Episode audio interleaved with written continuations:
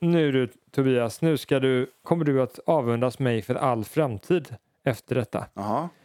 För jag har hittat på en riktig affärsidé idag. En riktig affärsidé. Nej, Jo. inte en till affärsidé alltså. Åh, Nej, men- dessa affärsidé. Tobias, nu är skillnaden att nu är det från mig affärsidén kommer. Ja, men då så. Ja. Men då är jag game. Då är jag game. 100 Nu procent. kör vi. Ja, idag ska vi hitta en affärsidé som löser problemet för alla de här satans veganerna som går omkring. Ja, just det, de där Ja. jävlarna. Inte bara det att de inte vill äta kossor och grisar och de tycker det är taskigt att de ska gasas ihjäl och, och deras barn ska stjälas så att de börjar gråta och såna här grejer. Inte bara det, Jävla töntar. utan de börjar bry sig om de jävla fjäderfäna också. Du vet. Strutsarna, ja. Broilerkycklingarna som knappt, knappt kan gå och deras liv är ett, ett oändligt lidande och sådär. De bryr de sig För om. att de ska bli kött. Och då säger de det att liksom, ja men de kan också känna lidande och så. Men vad fan de har ju ingen hjärna ju. Hur kan de känna? de är ju jättesmå. nej. Alltså, alla djur under en meter har ingen, ingen själ, inga känslor. Gäller människor också. Det här har man faktiskt en eh, lösning. Mm. Om det är hjärnan som spelar roll. Låt Mm. oss säga, vissa, vissa menar ju på att eh, om man, det är taskigt att döda om någon är intelligent eller inte. Det är ju lite konstigt. Det, det som spelar roll är om den andra individen eh, har möjlighet att känna lidande. Det är ju det som borde spela Mm. roll. Men Mm. jag tror det kan vara så att intelligens och medvetande och förmåga att känna lidande eventuellt Mm. har en viss koppling på något sätt. De är ju inte alls helt kopplade. Du kan ju ha en maskin som är superintelligent, mycket mer eh, intelligent än en Mm. människa, men som inte har några Mm. känslor. Det är väldigt sant. Det borde ju inte ha någonting med varandra att göra alls. Nej. Menar, en fluga kanske kan känna asmycket smärta när man, du vet, smackar till den. Ja, exakt. Den kanske känner mest smärta. Så att de är ju egentligen inte kopplade, men man kan ju ändå tänka att det kanske finns någon koppling. Att det finns någon... Det finns ju en existentiell rädsla kanske som intelligenta varelser har. Men ah, ja, förlåt, nu, nu håller jag på att bryta in i din affärsidé. Kör Bill, Nej, det gör det inte alls det, för det är ett intressant eh, frågeställning som vi kommer till där egentligen. Och det är ju, Mm. det, är ju det att eh, de kanske inte är helt kopplade, men det finns en teori som säger att i det intelligents liv så blir det som en avföring av det intelligenta livet ett medvetande. Men det vet man inte om det är sant eller inte. I så fall skulle ju en Mm. maskin, så fort den blir tillräckligt intelligent, kunna ha ett medvetande och också känna lidande. Och om det är på det viset, så Mm. när vi bygger artificiell intelligens så bör vi också eh, beakta deras eh, lidande. Åh nej, inte en till vi måste bry oss om. Åh. Det intressanta är, ja, ja, alla håller på och bygger kanske medvetande om vi bygger intelligens. Om vi bygger intelligentare varelser via AI. Men min affärsidé, den går ut Mm. på raka motsatsen. Mhm. Mm. Okej. Raka mot, vi, Mm. vi tar bort intelligens i universum. Ah. Ja, det är ju väldigt smart. För att, eh, jag menar, skulle vi, låt oss säga att eh, solen krockar in i jorden Mm. nu. I, den här, I det här solsystemet kan vi vara ganska säkra på att lidandet är utrotat. Jag är inte säker på vart du är på väg här. Men jag ska gå ner lite mindre extrema situationer och så ska vi gå tillbaka till de här stackars Din broilerkycklingarna. affärsidé är inte att krocka in solen i jorden. Nej, alltså. den är lite avancerad. Lite avancerad. Den här är lite mindre avancerad. s- Svårt att tjäna pengar på kanske. Mm. Mm. Nu går vi tillbaka till broilerkycklingarna. Ha, Just det. Hade man varit smart när man, när man genmanipulerade fram de här, eh, man kanske inte genmanipulerade fram dem, man kanske bara avla fram broilerkycklingarna. Då, men hade man varit smart Ja, och tänkt på veganernas argument där så, Mm. så hade man ju kunnat göra dem mindre intelligenta. Så att de personerna som tycker att intelligens är ett bra argument för om man ska eh, vara taskig mot någon eller inte, Mm. Mm. de får i alla alla fall vatten på sin kvarn att det är okej att äta de här kycklingarna. För man avlar fram de kycklingar minst gärna av alla. Mm. De dummaste, de får göra IQ-test så tar de alltid och avlar fram dem med lägst IQ, Ja. IQ hela tiden så att det liksom till slut bara, Ja, ja. de har inte det minsta IQ. Och, och, och, har man tur Mm. också så finns en koppling till medvetande så de känner mindre lidande och hej och Och då kan man knäppa de jävla veganerna på, finger, eh, på näsan och säga ät, ät, nu kan du äta. Nu har ni inga argument för att Jag tror att du har en bra idé. För, lyssna. då vi fortsätter sälja vanlig broilerkyckling. Smart, intelligent broilerkyckling eh, som bara står och lider och lider och lider liksom, tills den dör. Till köttätarna. Och sen till de här veganerna. Då, då gör vi IQ-test och så gör vi så här super ultradumma hönor. Alltså en liten grupp hönor gör vi det. det. Och så kan man sälja det till veganerna. Ja, nej, men det är exakt. Det är så vi segmenterar marknaden. Perfekt. För det, det finns ju faktiskt en ny grupp veganer, inte bara smutsiga hippies och, och tonåringar. Och det är ju faktiskt eh, övre medelklassen och, och så här Hollywoodkändisar och så här. Liksom, det finns ju en ny typ av vegan Mm. där ute nu för tiden. Och de kommer köpa den här svindyra eh, veganska alternativet. Alltså Exakt. den här ultradumma hönan. Den är inte bara, de här ky- kycklingarna har inte bara varit eh, frigående och eh, utomhus. De är, har även jävligt liten hjärna. Så står det på förpackningen. det, det är bara kostsamt att ha hönor frigående och sånt här. Utan är de riktigt dumma, då kan du bara trycka in dem i en bur. Och ingen bryr sig. Tryck. Men jag, jag tycker du är lite skeptisk till marknaden här. Det har sk- skett ju många eh, fina innovationer med nya köttalternativ och hej och hå. Jag vet också av, jag vet inte hur det har gått för det hela, men man tänkte sig att man skulle typ göra tidigare, tidiga aborter hos kycklingar som födde eh, kycklingar som skulle värpa ägg Mm.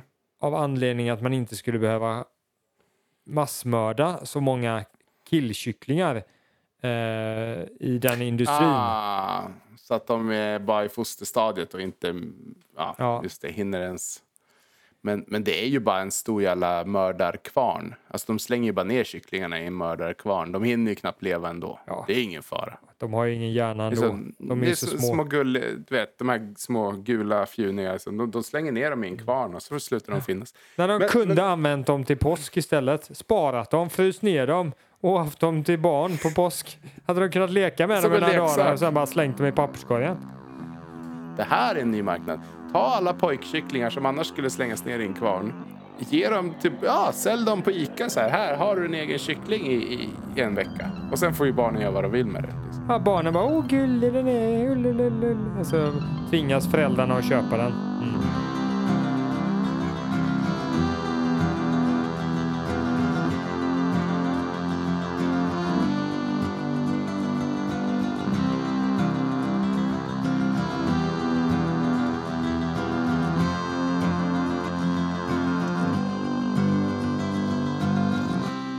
Hej kära lyssnare! Välkommen till Problempodden!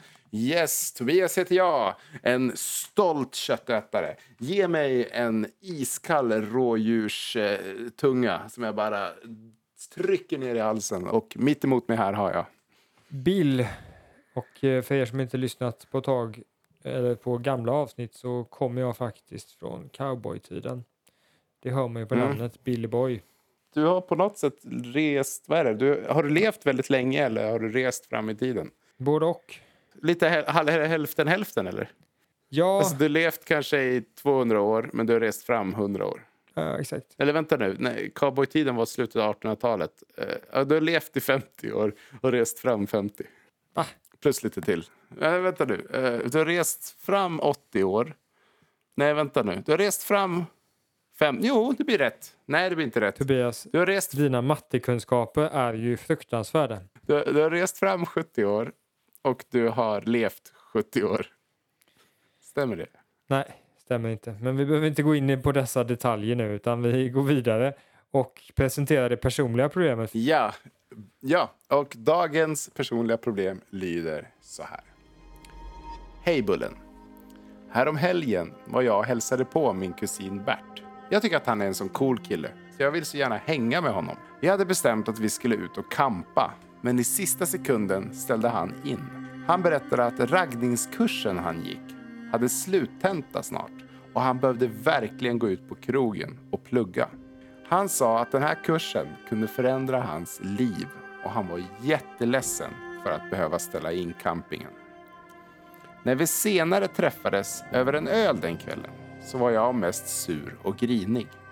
Vi hade inte alls trevligt Och även om jag förstår att den här kursen är otroligt viktig för hela hans liv så kunde jag inte hejda mina känslor. Detta gjorde Bert lite avig till att ens umgås överhuvudtaget faktiskt. Hur gör jag för att min besvikelse inte ska få så negativa konsekvenser i framtiden? Kram. Sune. Oj, oj, oj, Sune, va? Nej, vänta nu. Jo, Sune, ja, precis. Eh, min första tanke är, så här, är såklart att eh, Sune måste ju förlåta Bert. Liksom.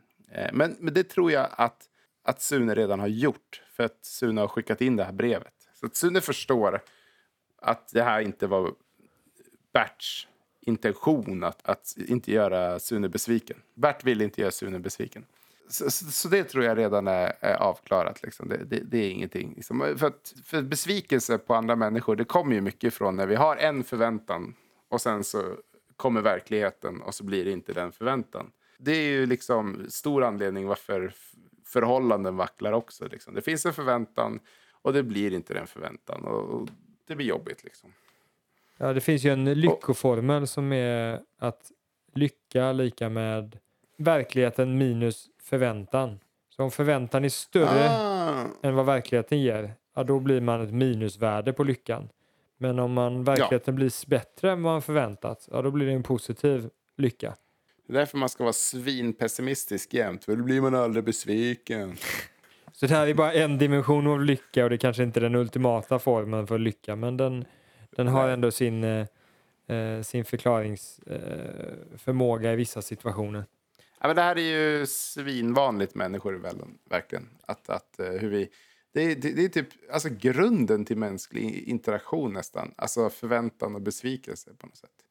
Det, det, det, det, det är liksom det vi gör varje dag. Någon, eh, du vet, någon eh, tränger sig före på tunnelbanan. Du hade förväntat dig att folk inte tränger sig före. Men nu var det någon som gjorde det och det, du blir så jävla besviken. Ja, kan man säga att det är besvikelse där? Det är ju intressant att du försöker ta det här upp till den stora mega övergripande eh, bilden av det. Att all ilska mot varandra är besvikelse. Ryssland var besviken på Ukraina att inte de ville vara cool, eh, kompisar med dem och så de bara Fan vi måste invadera er, jävla as, fan jag är besviken på er. Nu måste vi döda er. Och Ukraina i sin tur är väldigt besviken på Ryssland kan jag tänka mig. Att de invaderade ja. Fan, jag är skitbesviken. Trodde inte verkligen... Alltså jag, min verklighet var att ni inte skulle invadera oss. Och det gjorde ni ändå. Men det intressanta här är att besvikelse är kopplat till... Eh, nej men här, besvikelsen är kopplad till att man kanske inte riktigt litar på att det är anledningen. Han, han kanske inte vet riktigt att, att det verkligen är så att Sune måste göra tentan. Man tycker att fan du kunde ha pluggat lite innan, du kunde ha gjort någonting innan. Nej, Bert är det. Bert, mm. du, måste, du kunde ha gjort det annorlunda. Om du verkligen hade velat åka iväg på camping mm. med mig så hade du kunnat justera detta. Det visar lite på din vilja att åka ut och campa med mig. För mig, jag har offrat allt för att komma ut och campa. Men du liksom bara tar en jävla raggningskurs istället och tycker det är lika viktigt som som att vi ska komma iväg. Jag värdesätter det mycket mer än vad du gör.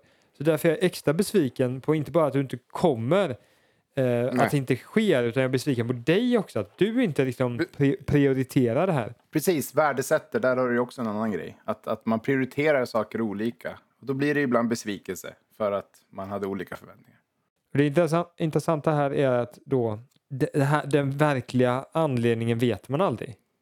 Jag menar det kan Nej. ju vara så att det är så att han hatar Sune och han mm. hittar alla möjliga anledningar för att inte umgås med Sune. Och det kan vara så att, att han är en jävla klant och bara Åh, jag måste, fan jag måste ju plugga, helvete, och jag ska ut och kampa. Åh. Precis. Liksom, kan vara så. Eller så bara var det omöjligt att få ihop. Precis, så min poäng är då alltså att det kan vara massvis med olika anledningar. Och just den mm. att han inte tyckte att Sune var en rolig kille att åka ut och kampa med, det är ju eh, kanske mm. inte den sannolikaste.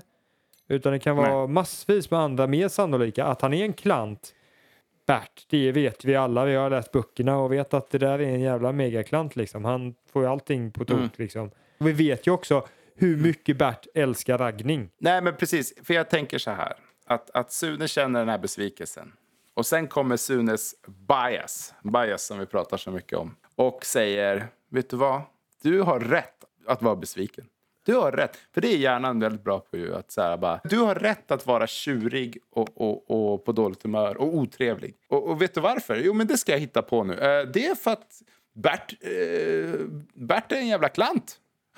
Bert är dålig på att planera. Yep. det är Berts fel allt det här. Yep. Det blir känslor, tankar, handling. Liksom. Psykologiska triangeln. Hur tankar påverkar handlingar och vilket påverkar känsla. De påverkar varandra. Och då, ska man, ja. och då, då, då, är det en automatisk reaktion då av att man, någonting inte blir som man hade tänkt sig. Att man blir mm. besviken. Mm. Och så kanske den här personen säger att det finns en giltig anledning så att man inte borde bli besviken. Man har inte riktigt mm. rätt att känna känslorna och då försöker man finna anledningar till de känslorna. Och sen kommer det ut i handling. Man, man, vrä, man fräser och mm. spottar mm. i ölen. Liksom. Okej, okay, så då har vi ett kognitiv beteendemetod för att undvika detta. Det är att kanske när man ska gå och ta den där ölen så tvingar man sig själv att typ agera väldigt icke irriterat i alla fall första 5-10 minuterna. Sen har det en snöbollseffekt som gör att man inte mm. blir så irriterad. Så det skulle då kunna vara ett väldigt praktiskt tips. Att nästa gång du går ut, var medveten om att du blivit besviken. Var medveten att det kanske mm. kan, kan komma att bli så att du pratar väldigt besviket. Men se till att inte uttrycka det utan agera som att du inte är besviken och då kommer ditt agerande kunna påverka hur du känner och hur du tänker. Mm. Jag tror att KBT kan vara lite klurigt eftersom att du måste vara så jävla medveten hela tiden. Eh, men det är jättebra att Sune har den här erfarenheten nu. Har till och med varit så medveten om sitt problem att han har skrivit brevet och allt det här. Så nu, nu kan man ju bara lära sig av sitt misstag och då kan man ju lättare inte behöva agera på sin surhet och grinighet. Och till och med nu när Sune har lyssnat på vår podd och vet att, eh, att det finns liksom en, en, anledning i hjärnan att alltså, inte agera efter sin surhet och grinighet.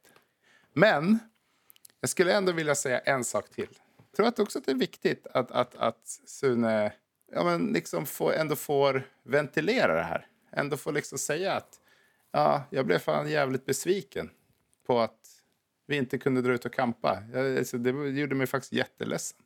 Inte på ett argt sätt, utan bara berätta att ja, jag blev fan jättebesviken. Jag förstår att du säkert har en god anledning. Men, men jag blev verkligen eh, riktigt ledsen. Och då kanske han också får höra anledningarna. Då kanske det också påverkar Bert att verkligen uttrycka ja, jag vet, jag är hemskt ledsen. Jag försökte verkligen att flytta mm. tentan eller vad som helst. Jag försökte plugga innan men jag lyckades inte. Det var svårt. Jag är en eh, mm. prokrastinerare och jag skulle inte vilja vara det. Och jag är hemskt ledsen. Och då kanske det är lättare att förlåta med en gång också. Mm.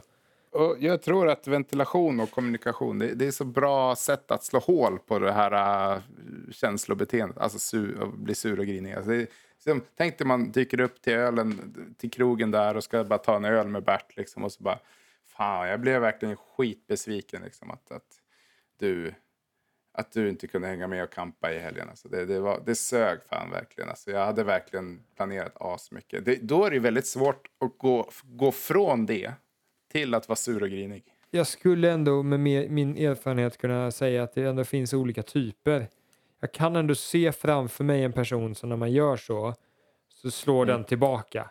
Och då kan man det bli lite bam bam, lite fight däremellan bara. Ah, va, va, vi hade ju bestämt det här för ett halvår sedan. Va? Ja, nej men man ska inte göra det för att liksom vinna eller få rätt. Liksom, utan verkligen gå in i det väldigt, bara för att öppna sig.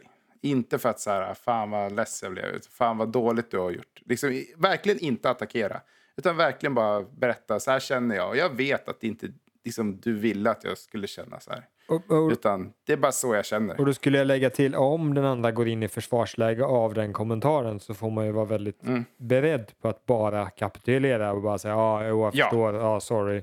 Jo, jag, jag ville yes. bara säga vad jag kände, men visst, du hade ju jättemycket anledningar till att inte komma. Jag, jag förstår ja. det helt och hållet. Ja. Uh, det kanske man till och med kan börja med innan man säger det så här. Jag, Ja. jag förstår att du har haft mycket att göra och sådär och det här är väldigt viktigt för dig och sådär. Men jag vill bara säga att jag, jag blev jättebesviken. Så att man börjar med att, att verkligen acceptera den andras anledning innan man ens säger att man är besviken. Ja, precis. Det är liksom inte Bert, du har gjort mig besviken, utan bara omständigheterna har gjort mig ledsen. Ja. Liksom. Jag är lite deppig idag ikväll för att jag såg fram emot att ute och campa. Men, men ja, vi, vi, vi tar en öl i alla fall. Mm. Ja, vad fint. Fint svar, Tobias. Väldigt fint, Mm. väldigt fint var det. Och sen är det dags för Sune att eh, säga hej då till Bert. Gå fram till baren, beställa fram två violshots, spana in närmsta pingla och bara, är det du du, stumpan? Har du någonsin eh, läst min dagbok, if you know what I mean? Nej, det är Bert som har dagboken. Ja, ja, men spelar roll. Ja, men Bert kan ju ragga upp en tjej. Det, men du har, du har rätt. Bert kan ju gå dit. Nej, Sune kan ju gå till och ragga upp en tjej åt Bert. Och gå och säga så här. Hej, har du sett den här killen förut? Har du läst hans eh, dagbok? Oh my god, han kan, han kan hjälpa Bert plugga inför raggningstentan. Han kan wingmana. Det kan bli en riktigt rolig kväll. Wow. Mm. Wow. Ja, fan. Tänk, fan, snyggt jobbat Sune göra det bästa av en dålig situation. Alltså. Ja, eller så är det vi som är de riktiga hjältarna som löser problemet och säger vad de ska göra. Vi, är, ja, vi som löser problemen är ju egentligen de riktiga hjältarna. Ja. Vi som pratar i podden som folk lyssnar på. Det är vi som är hjältarna. Ja, men skitsamma i de som går ut och gör saker och verkligen tar tag i saker och hjälper folk. Det är vi som förtjänar all ära på grund av att vi är födda med väldigt hö- högt IQ. Så skulle jag Japp. säga. Pratarna. Alla med lågt IQ de utbildar sig till ingenjörer och bygger broar och kraftverk. Och... Nej, men ingenjörer, de sitter bara och räknar. De gör ju inte det. Det är byggarbetarna som är ute där och eh, riskerar sina liv. Arbetarna! Var och varannan dag så åker det bort en jävel på någon jävla slunga och hit och dit. Det är inte så jävla kul. Exakt. Vi är 500 per år som blir slaktade som svin.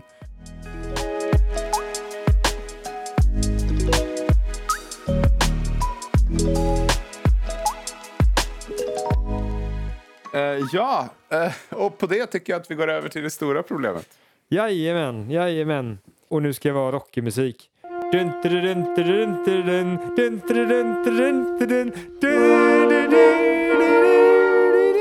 Att kunna slåss!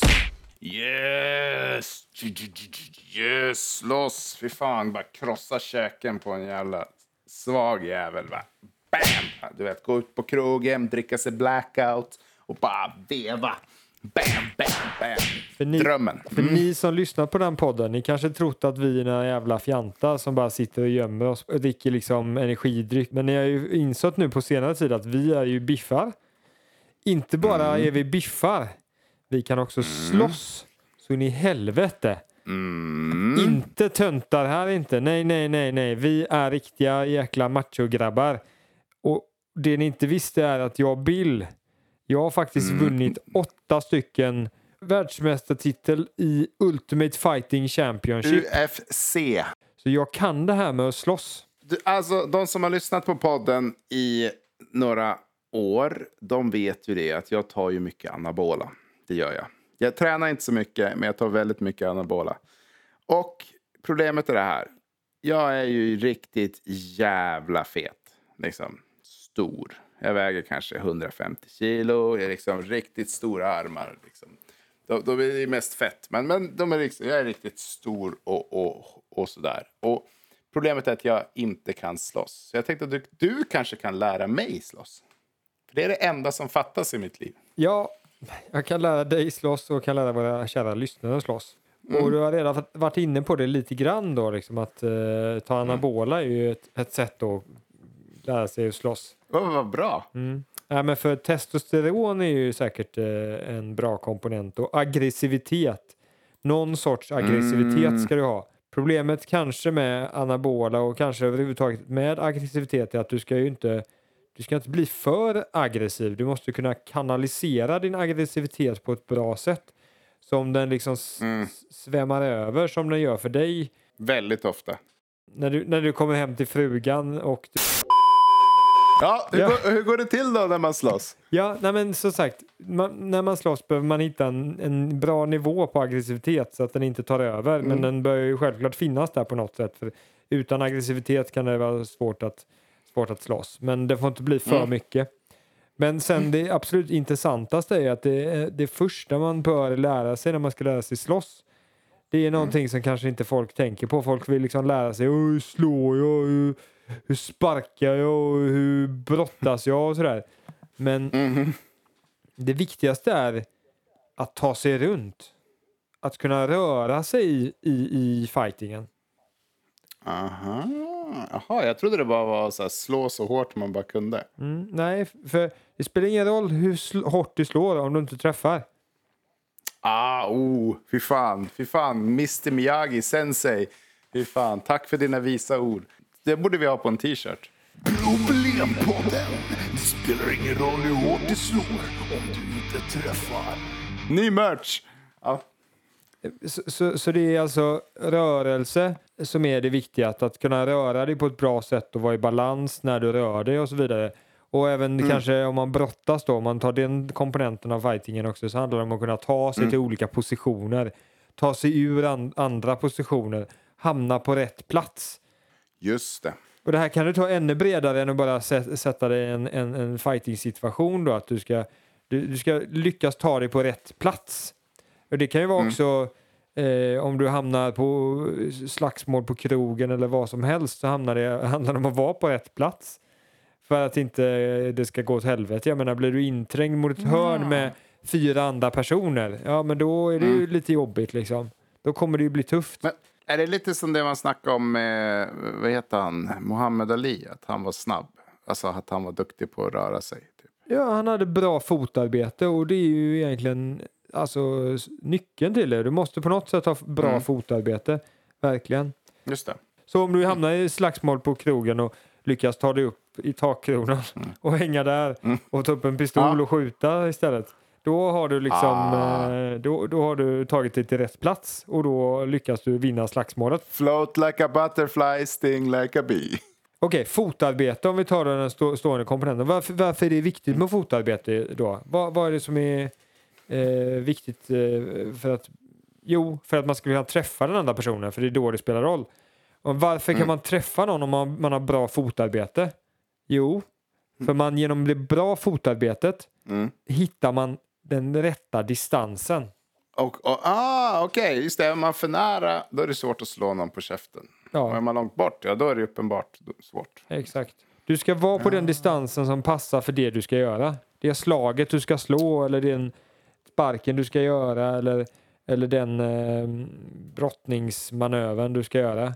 Mm, mm. Du ska vara på rätt plats för att kunna göra det. Så att rörelse är viktigt.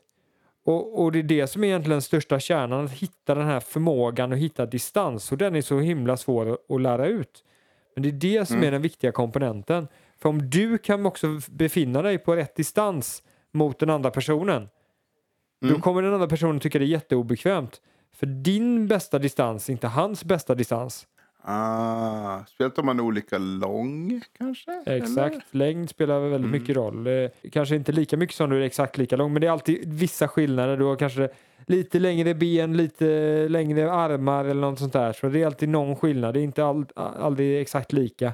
Mm, mm. Det intressanta är att det här kan ju också tas upp till hela livet. Liksom. Hela livet handlar om att hitta rätt distans till saker och ting. Rätt distans till livet.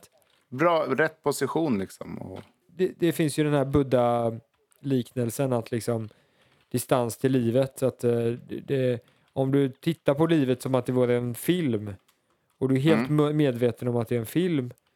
Det kanske Mm. inte blir så intressant. Så du ska nästan lite tro att filmen är på riktigt men inte helt och hållet. Då har du rätt distans till livet. det man alltid måste prata om med, med så här, när man försöker säga hur ska jag göra det här i livet? Då är det nästan alltid att så, ah, du måste hitta en balans. Och det, det, blir nästan samma sak som distans. Att du, du måste hitta vart du ska lägga dig någonstans. Så det är en, en komponent i vår eh, patenterade metod, IAD. Identifiera, acceptera och distansera. Just det. Och då kanske man kan använda det på fighting också. De som eh, lyssnar på Problempodden och har tagit till sig våran metod IAD, de är de bästa fightersna i världen. Tyson lyssnade på Problempodden kanske. Han har lyssnat jättemycket. Okej, så rätt eh, avstånd helt enkelt då, alltså. Rätt avstånd, så det, och då, då får man jobba mycket med fotarbete då, så att man lyckas få rätt avstånd. Och rätt position, för om man har fotarbete, man kan liksom Det handlar inte bara om att röra sig utan det är också stå rätt och redo så att du kan slå ett slag, sparka en spark, eh, göra en nedtagning, eh, dra ett knä och så vidare. Så det är inte bara slå. Mm. Sen är det ju bra att öva. Och bara öva, öva, öva, öva. Då, då, då kan du hålla på och träna med andra och sådär, låtsas slåss och sådär liksom. Men sen för att du verkligen ska bli bra så kan det också vara bra att, att utsätta dig för många verkliga situationer, så verkliga som möjligt. En, en, en tävling och så vidare, det. där det är mycket press på Men- dig. För det är också en komponent i det hela. Vissa kanske är duktiga på det här eh, när det inte spelar så stor roll, men när det väl spelar roll så ska de prestera och då släpp, släpp, släpper de allt och lyckas inte liksom hålla kontroll och göra det som de verkligen ska göra. Försvara sig på rätt sätt och så Ah. vidare. De tappar allt bara pang och så. Press, ja, Mm. just det. Alltså, jag känner så här att en mycket bättre idé än det du sa nu. Det är ju att du går ut på krogen och, och försöker liksom starta upp fighter. Med, med, gärna med människor som är kanske mycket starkare än dig själv. Och det är ju jättedumt. För då kommer du skada dig och då får du inte så många mer försök. Så det är bättre att ta med mindre eh, duktiga människor, så med, med folk som är dåliga på att slåss. Så du arbetar dig Ah. uppåt, exakt. Som en proffsboxningskarriär, att man, man börjar liksom slå dem som eh, uteliggarna på gatan som inte har något annat val än att liksom gå in och ta en proff, Just det. proffsboxningsmatch. Det är skitbra början för då ökar både Mm. ditt ego, eh, för, självförtroende och eh, du får inte så mycket skador så att du kan fortsätta Okej. träna. Du sa någonting om att det fanns olika... Alltså du sa att det inte bara är slå. Men du sa att det fanns så brottning och grejer. Eller vad, vad sa du för någonting? Ja men slags, att slåss eh, kan man göra på flera olika sätt. Man kan ju delvis boxas, man kan sparka, man kan knäa, man kan armbåga, men man kan också brotta ner den andra personen och kanske strypa personen eller dra i hans arm så att den går av eller något sånt där. Sådana Wow, saker kan man ju också Mm. göra. Där, där är samma sak. Jag menar, hamnar du i ett slagsmål ute på gatan och du har Mm. tre, fyra pers mot dig, ja då kanske det inte är så bra att brottas. Då är inte det en bra po- position, Nej, även fast du är duktig med det, på det. Och många gånger när man ska slåss, då är ju den bästa distansen, vet du vad det är? Nej. Så jävla långt ifrån man bara kan. De springer iväg. Alltså, du har ett fotarbete för att kunna kuta iväg. Det är det bästa, det är det bästa sättet att slåss. För det är inte bra att slåss. Vi ska inte slå varandra, det är taskigt. Folk får ont och sådana här saker. Så att eh, absolut, det bästa Ja. självförsvaret är att ta sig iväg och sen springa. Så därav, ja, och då ska man ha så jävla mycket distans som möjligt då. Men, men finns det något annat sätt att slåss på som skulle vara defensivt? Om vi nu ska så här, vara lite ansvarsfulla och inte lära alla skolbarn som måste lyssna på Problempodden eh, varje morgon. Om vi inte ska lära dem att anfalla människor när de är ute på krogen utan att vi ska lära dem att, du vet, det blir fight. Det är någon som är taskig och ska precis komma och slå en. Finns det något så här bra defensivt man kan göra? Ja, om man tar sig därifrån och springer. Ja, okej. Så du ska bara öva på att springa och sen när du kommer i situationen, då är det bara att springa. Jo, lite. Men det är inte så enkelt. Det är inte så att du kan öva 100 meters lopp och så blir du duktig på det här. För du Nej. måste komma i position att kunna springa. Du måste se situationerna för Mm. när du ska springa. Och du kanske för att kunna springa behöver slå något slag någon gång, enstaka gång, Ah, för att okej. kunna komma i position att springa. Så man måste få ner någon lite, bara alltså få någon ur balans för att sen springa Ja, iväg. exakt. Så det bästa självförsvaret är ju också att vara lite förberedd på att om du också får en svingning på dig, en smäll på, på käften, Mm. så, så lägger inte du dig på marken och gråter för det är ingen bra position. Utan då tar du Ja, just det. därifrån istället. Så att, att eh, palla och ta ett slag. Liksom. Ja. Eller typ att du ställer dig bakom din stora kompis som du bara blivit kompis med för att han är så jävla stor och biffig och väger 150 kilo och tänker att ingen jävel verkar mucka med honom. Det är också en bra position. Den brukar jag ta när vi, du och jag går ut. Ja, jag har märkt det. Och jag får ta mycket stryk. Och det är därför jag försöker lära mig att slåss nu här. För att, för att du, du muckar upp dem. Du går fram och bara, "Åh, hallå, fan, har du inget hår på kuken eller? Och så, så är det jag som måste liksom ta allt. Jag har bara suttit och druckit öl och så helt plötsligt kommer en jättearg kille och du bara, ja, jag sa till honom att, att eh, du skulle spöa skiten ur honom. Och jag är så här, va? Ja, men Tobias, det är, vikt- det, det är skitbra. För vi måste få respekt på krogen. Jag tycker vi har för lite respekt. Alltså, Alltså- folk ska respektera mig. Om jag går fram och säger att du har för lite hår på kuken, då ska de bara ja, ja, det är klart det är så. Ja, ja det är visst det är du som är problempodden. Bill, ja, du är duktig på att slåss fast du gömmer dig alltid bakom din kompis när ni ska slåss. Det vet jag inte varför du gör när du ska vara så jävla duktig på att slåss. Säg att du är en massa ultimate fighter och hej och hå, men det, ja, det har vi aldrig sett av. Det är bara din jävla feta kompis som står i vägen men aldrig kommer fram och slår dig. Det, det är en konstig situation.